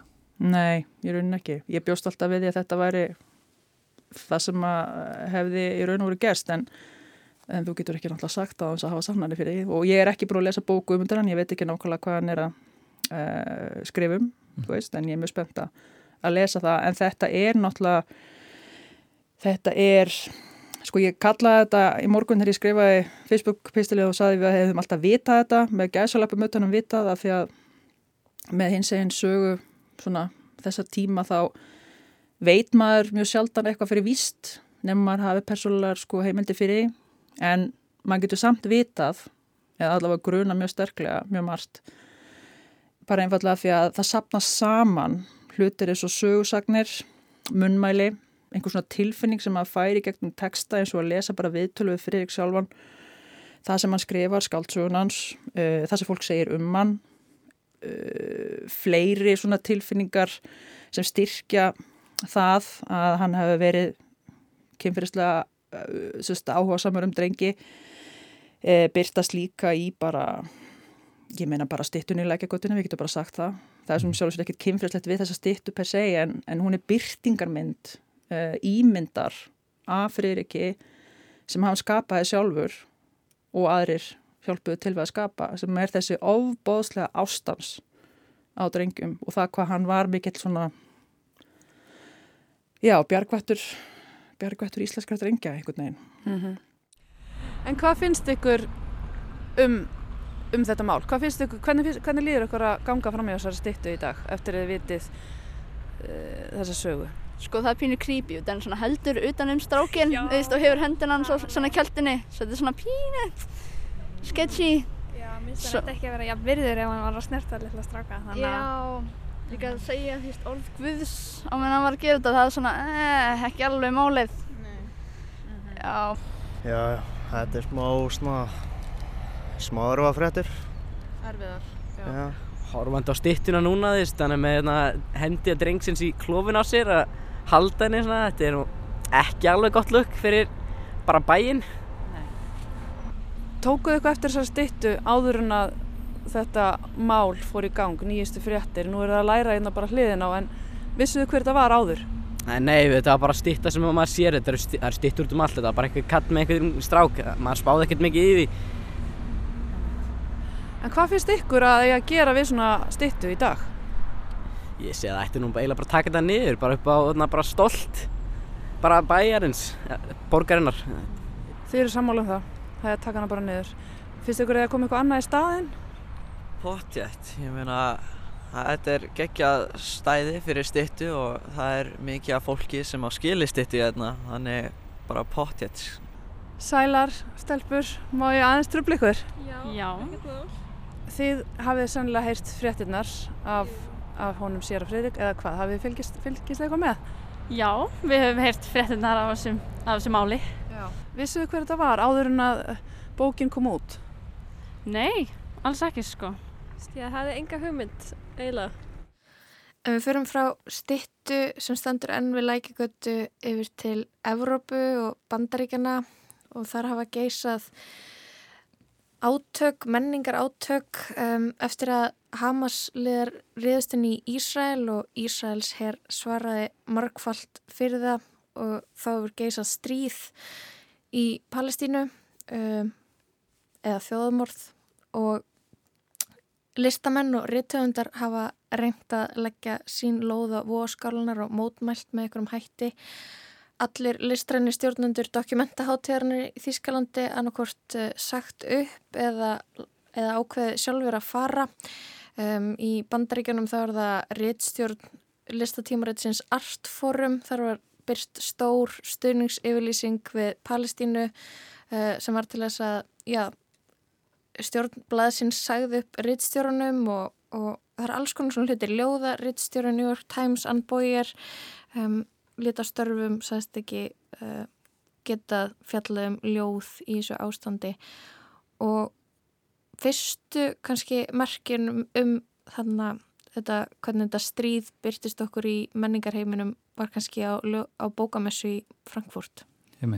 Já, það, er átt að veita þarna bókmyndavelunin Liberatur Prís sem Litt Próm samtökin standa fyrir og veita árlega á bókamessunni í Frankfurt uh, til, til kvennhöfunda frá þá Afriku, Asíu, Suður, Ameríku og Miðasturlöndum en uh, þau voru ekki afhengt í ár uh, hún átti að fá þau réttöfundurinn Adania Shibley sem hefur komið hinga til Íslands á Reykjavík Writers Retreat en aðstandendur bókamessunar ákvaða fresta aðtöfninni og orðalægi sem þau nótuðu var stríðið sem Hamas hóf í síðustu viku sem veldur þjáningu miljón manna bæði í Ísæl og Palestínu. Það var einn ofinbeglega ástæða og bara daginn eftir og dagana þar og eftir sendu fleiri og fleiri höfundar hátt í 600 þannig að fyrstu dagana og útgefundur samtökunum bref þar sem ákvörninni var mótmælt. Við í Víðsjá veltum þessu svolítið fyrir okkur uh, með góðum gestum. Palestinski reytöfundarinn Masen Maruf kom til okkar og sagði okkar aðeins betur frá bókinni og ástandinu. You know, Frankfurt Book Fair is the biggest book fair probably uh, in Europe and one of the most important book fairs in the world. And, Aðspurður um hvernig fregninar af frestun verlaunana komið við hann minnir Marúf á að Frankfurt bókamessan sé svo stærsta í Evrópu og eins og mikilvægasta í heiminum og að þessari stundu búum við við stöðu að stríðsókn um alla plánundu og tröst millum manneskja verist vera í lámarki. Þar af leiðandi er mikil þörf á erindi bókmyndana til að byggja upp traust og loka gjánni sem er að myndast fólks á milli.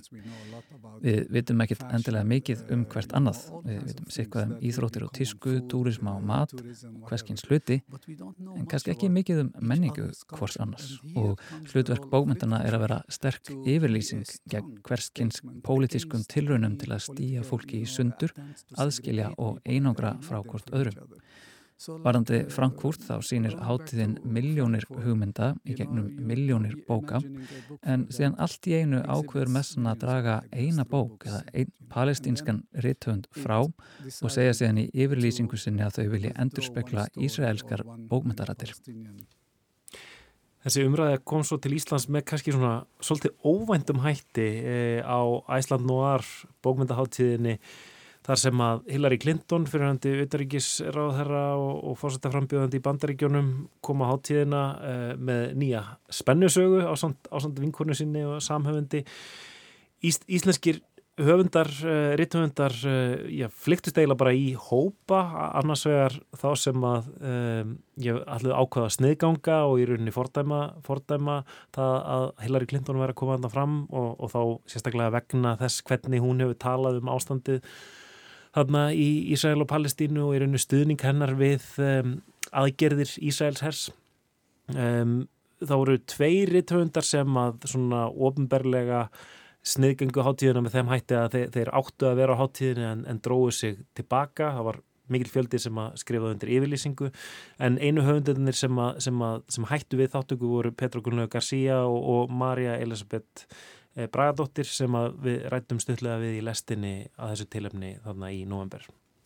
Ég er alltaf á fyrir skólun að það, sé, það eina sem hægt að gera er að sniðganga allt sem við kemur Ísrael og og tala og nota sína rödd, jáfnveld og hún sé kannski lágværs eða mjóróma, það var það eina sem við höfum og í rauninni eina sem að kannski eina sem við getum gert er tákgrænt, það, sem við getum gert er eitthvað tákgrænt og það er tákgrænt að stíga til liðar og ákveða að til dæmis já, fordama það að þessi kona fá einhvern vatnum til að tjá sig.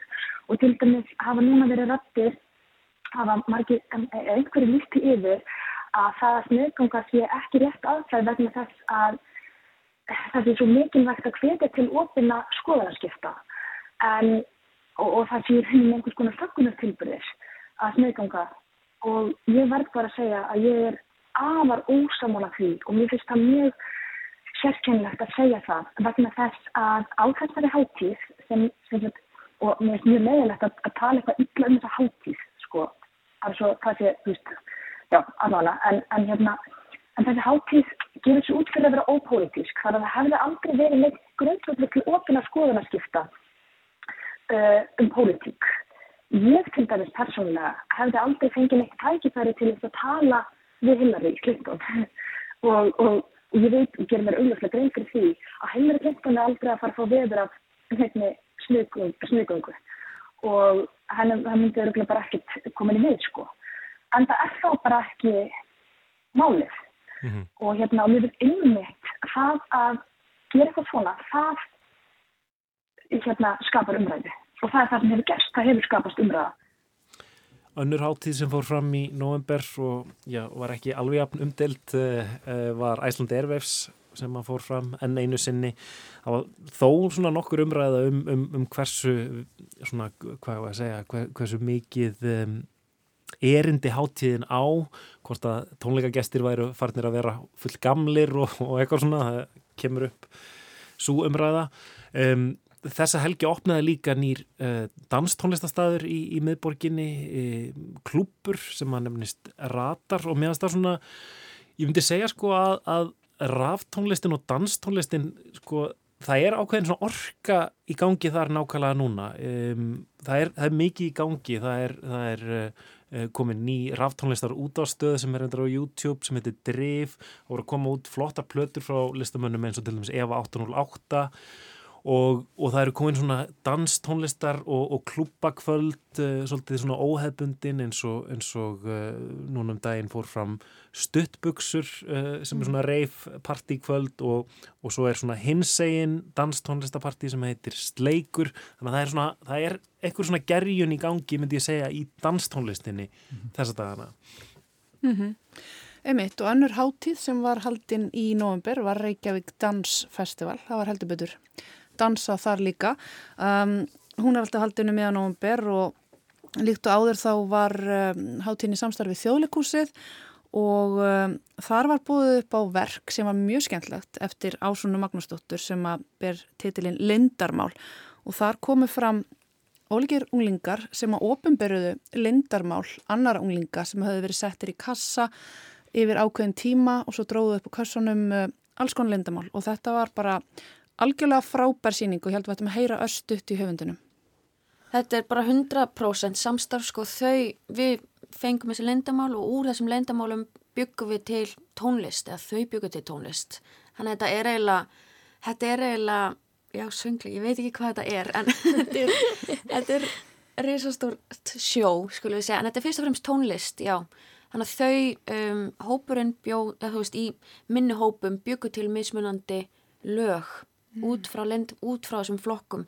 Þannig að fyrst, bara fyrsta öngum voru við bara búið til texta og búið til tónlist og út frá já þannig að þau svolítið móttu velja sér hvaða leindamálaflokkur talar til þín og, og þannig já skipt þú veist eins og Mónika og Þór þau byggur til haturslægið og Andrea og krúið hennar byggur til vinkonu, það er mikið að vinkonu lendarmálum, þannig að það er með vinkonulægið og svo flæðir þetta allt svona og svo eru þau öll í lögum hvers annars þannig að það er kannski ekkert endilega skýrt hver sem er hvaða lag. Halla, ég fórum þetta að sjá lindamál mm -hmm. uh, eftir, eftir kvartningu frá þér. Og ég vissi ekki að ég ætti neinn lindamál fyrir en að ég þurfti að fara í leika á svona síningu og standa upp þegar eitthvað lindamál ætti við mig. Og þá komist ég að því að þú veist, mér langaði alls ekki alltaf að standa upp þegar eitthvað var sagt. En um, já, sko, við erum nú búin að vera aðeins að tala um hluti sem að hætta og, og þarna, hætta að vera til. Og ein, einn, af, einn af þeim hlutum er rauðaserjan um, þessar æðislu þessar æðislu rómansar sem hafa verið gefnir út bara um áratuga skeið hér á Íslandi. Um, ég hitti svo ótrúlega skemmtilega konu sem eitthvað neginn ég veit ekki veitti mér ógeðslega mikil innblástur. Það var fárlega gaman að tala við hana. Hún er hugsunakonan á bakvið rauðuseríuna. Ég kikti í gráin til Rósu Vestfjörð. Það er ein, eitt sem að mér hef alltaf fundist og fundist leiðilegt alveg frá því að byrjaði upphafi að, að menta elítan, hún hefur ekki verið sammál um að það væru bókmentir og það er það sem mér finnst sorglegt vegna þess, eh, sko, Guðrun og Lundi, hún skrifaði ástarsögur en það er bókmentir í dag. En bækurna mína voru aldrei bókmentir þetta var eitthvað flokkað undir eitthvað ruslbækur. Þetta er ekki ruslbækur. Það er góður þráður í öllu þessu bókum og þetta er spennandi. Og ég segi sko það er verið að segja við Íslandíka séu bókmyndathjóð sem er rétt, við erum bókmyndathjóð en hvað margir lesa mínar bækur að meðaltali þá er þetta fleiri þúsund bækur sem kom út í hverju mánuði og að meðaltalið þá tíu mann sem les hverju einstu bók. Öll bókasöfn landsins kaupa bækurna mínar. Og þetta eru vinsalstu bækurnar allstaðar en þetta er samt ekki bókmentir Af hverju ekki? Það er það sem ég hef ekki skilið.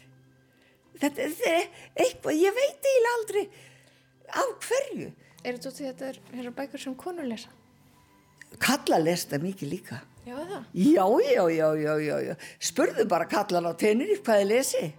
því bækurna mín eru allstaðar út í löndum þá eru á, hverju einustu hóteli þá er alltaf svona viss hylla sem að bækurna mín eru í þetta er skiptimarkaður þú setur bækurna þarna og svo tekur aðra í staðin og, og sko ég fullt af kallmönnum lesa þetta en þeir vilja kannski ekki viðkenna það því þeir það er ekkit síður en aðra bækur Já, Rauðaserjan hættir eins og videolegan sem að leggur upp laupana og fréttablaðið og svo er eitt, ein menningarstofninni viðbútt sem að hætta þessu árið, það var Háskóla Bíó sem að hætti kveikmyndasýningum eftir marga, marga áratví. Um, en það var margt annað að gerast í menningunni. Eitt af því sem að svona, kannski er svona uh, stór ný tilneying sem við höfum verið að reyna að setja puttan á í lestinni er ákveðin svona svona markasvæðing listarinnar. Það er, það er að segja sko hvernig, hvernig list og markasetning eh, er orðin svo, svo oft svo rosalega samtengt, sérstaklega svona dægumenning, poptónlist og það er oft erfitt að greina hvort að um, tónlist sé auglýsing fyrir eitthvað annað eða auglýsingar séu til þess að auglýsa tónlistina. Þetta er dæmi, dæmi til dæmis með, með Patrik einn vinsalasta tónlistamann á landin í dag Pretty Boy Choco sem, sem að byrja á því að gefa út súkulaðist ekki og hérna sem á að auglýsa síðan tónlistina og svo er hann búin að kaupa auglýsingar í stræt og, og eitthvað neinn þetta er svona sam, samfléttast. Og annað dæmi er síðan Hugo? Hugo, já, það, það ég mann ekki hvort það hefur á þess ári eða síðasta. Nei, það var á síðasta ári. Mhm. um, sem, sem var svona einhvern veginn algjör tilraun til þess að búa til popstjörnu um, og gera um það sjónvastætti og Ice Guys er síðan kannski nýjasta dæmi þar sem að það er einhvern veginn er svolítið óljóst hvort að um, hljómsveitin sé stopnuð sem hluti af sjónvastáttum eða hvort að sjónvastættinir séu gerðir út af því að hljómsveitin er vinsæl og, en allt þetta einhvern veginn svona vinnur með hverju öðru og, og hérna býr til eitthvað svona spíral sem maður áttar sig ekki alltaf alveg á hvar byrjar og hvar endar. Nei, ymmit og það sem að mér finnst aldrei áhugavert við allt þetta fenómen er hvað fólki samt virðist vera aldrei bara sama.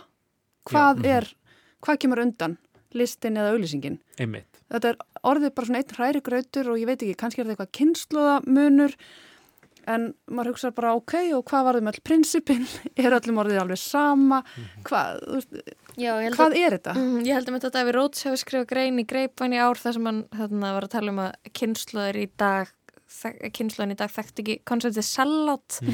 Um, að selja út. En ég býð bara eftir á Íslandi verið gert eins og í bandaríkjunum þar sem að Walmart er búið að framlega hvað eitthvað romantíska gamanserju þar sem að meðan þú horfir á Walmart seríuna sem heitir eitthvað, hún, ég man ekki hvað hún heitir í fljótu bræði um, þá getur keift hlutina sem að hérna karakterunir í seríunni klæðast eða húsgagnin heima með því að ít og eitt takka.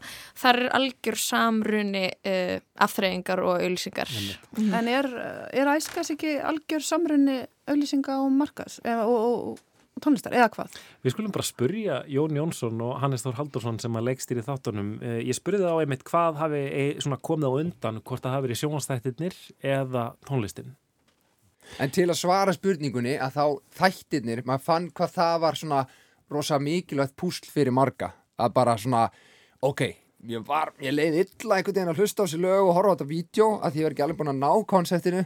Svo koma þættirnir og þá kannski svona, auðvitað maður, þetta er, hérna, þetta eru menn sem er ekkert að taka svo af hátilega og bara búa til skemmtiefni bæði í formi hérna, þátta, Já. tónlistar, Mhm. dansatriða, Þa- Þættirnir voru alltaf svona kannski pönslæni eða stóra stóra svarið í, í lokin á fyrsta fasanum á Já. þessu, þessu æskæsferðalagi Já. sem alltaf bættust við tónleikarnir þessir ótrúlega tónleikar sem að Mhm. þeir sem að eru, eru svona einhvers konar afsprengi held ég bara stemningarinnar og, og bara það er svona svolítið óvænt bara Já. stefna sem að þetta verkefni fór í en, en þetta var alltaf svona þættirnir voru veist það sem að þetta snerist allt um að, að svona að, að uh, já, eru því svona stóra svarið við bara hvað í fjandanum er þetta Já. æskar og hvað er þeir að hugsa þessi gauðra Já. Og hér ætlum við að enda þessa yfirferð lestar og viðsjár þetta árið við uh, Tómas Ævar Ólarsson, Lóa Björk Björnsdóttir, Kristján Guðjónsson og Halla Haraldóttir þökkum fyrir okkur í dag og við þökkum bara fyrir árið, ekki satt krakkar? Ég Jú. þakka fyrir mig. Takk fyrir samveruna. Gleðilegt nýtt ár. Gleðilegt ár, Já. takk fyrir að hlusta. Kristján, þú ætlar að setja eitt lag á að lókum. Já, ef ekki að enda á einhverju svona örlítið upplýfgandi, þetta er hljónstinn Hipsum Haps, lagið Góðir hlutir gerast hægt af uh, plötu frá þeim sem kom út í ár.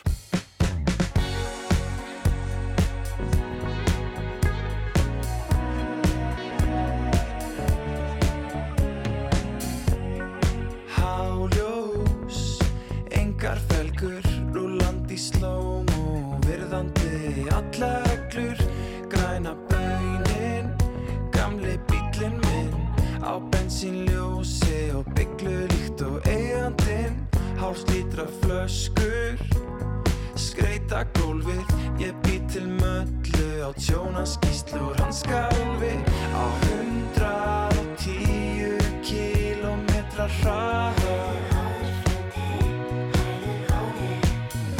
Veit ekki hvenar munum nema staðar. Með sprungið dekk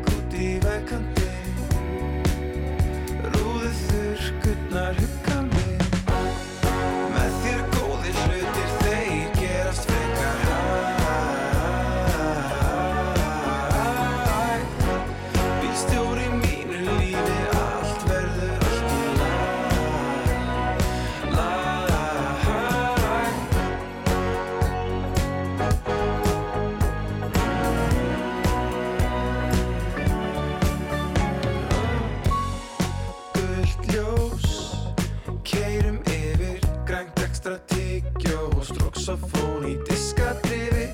Ég rúnda um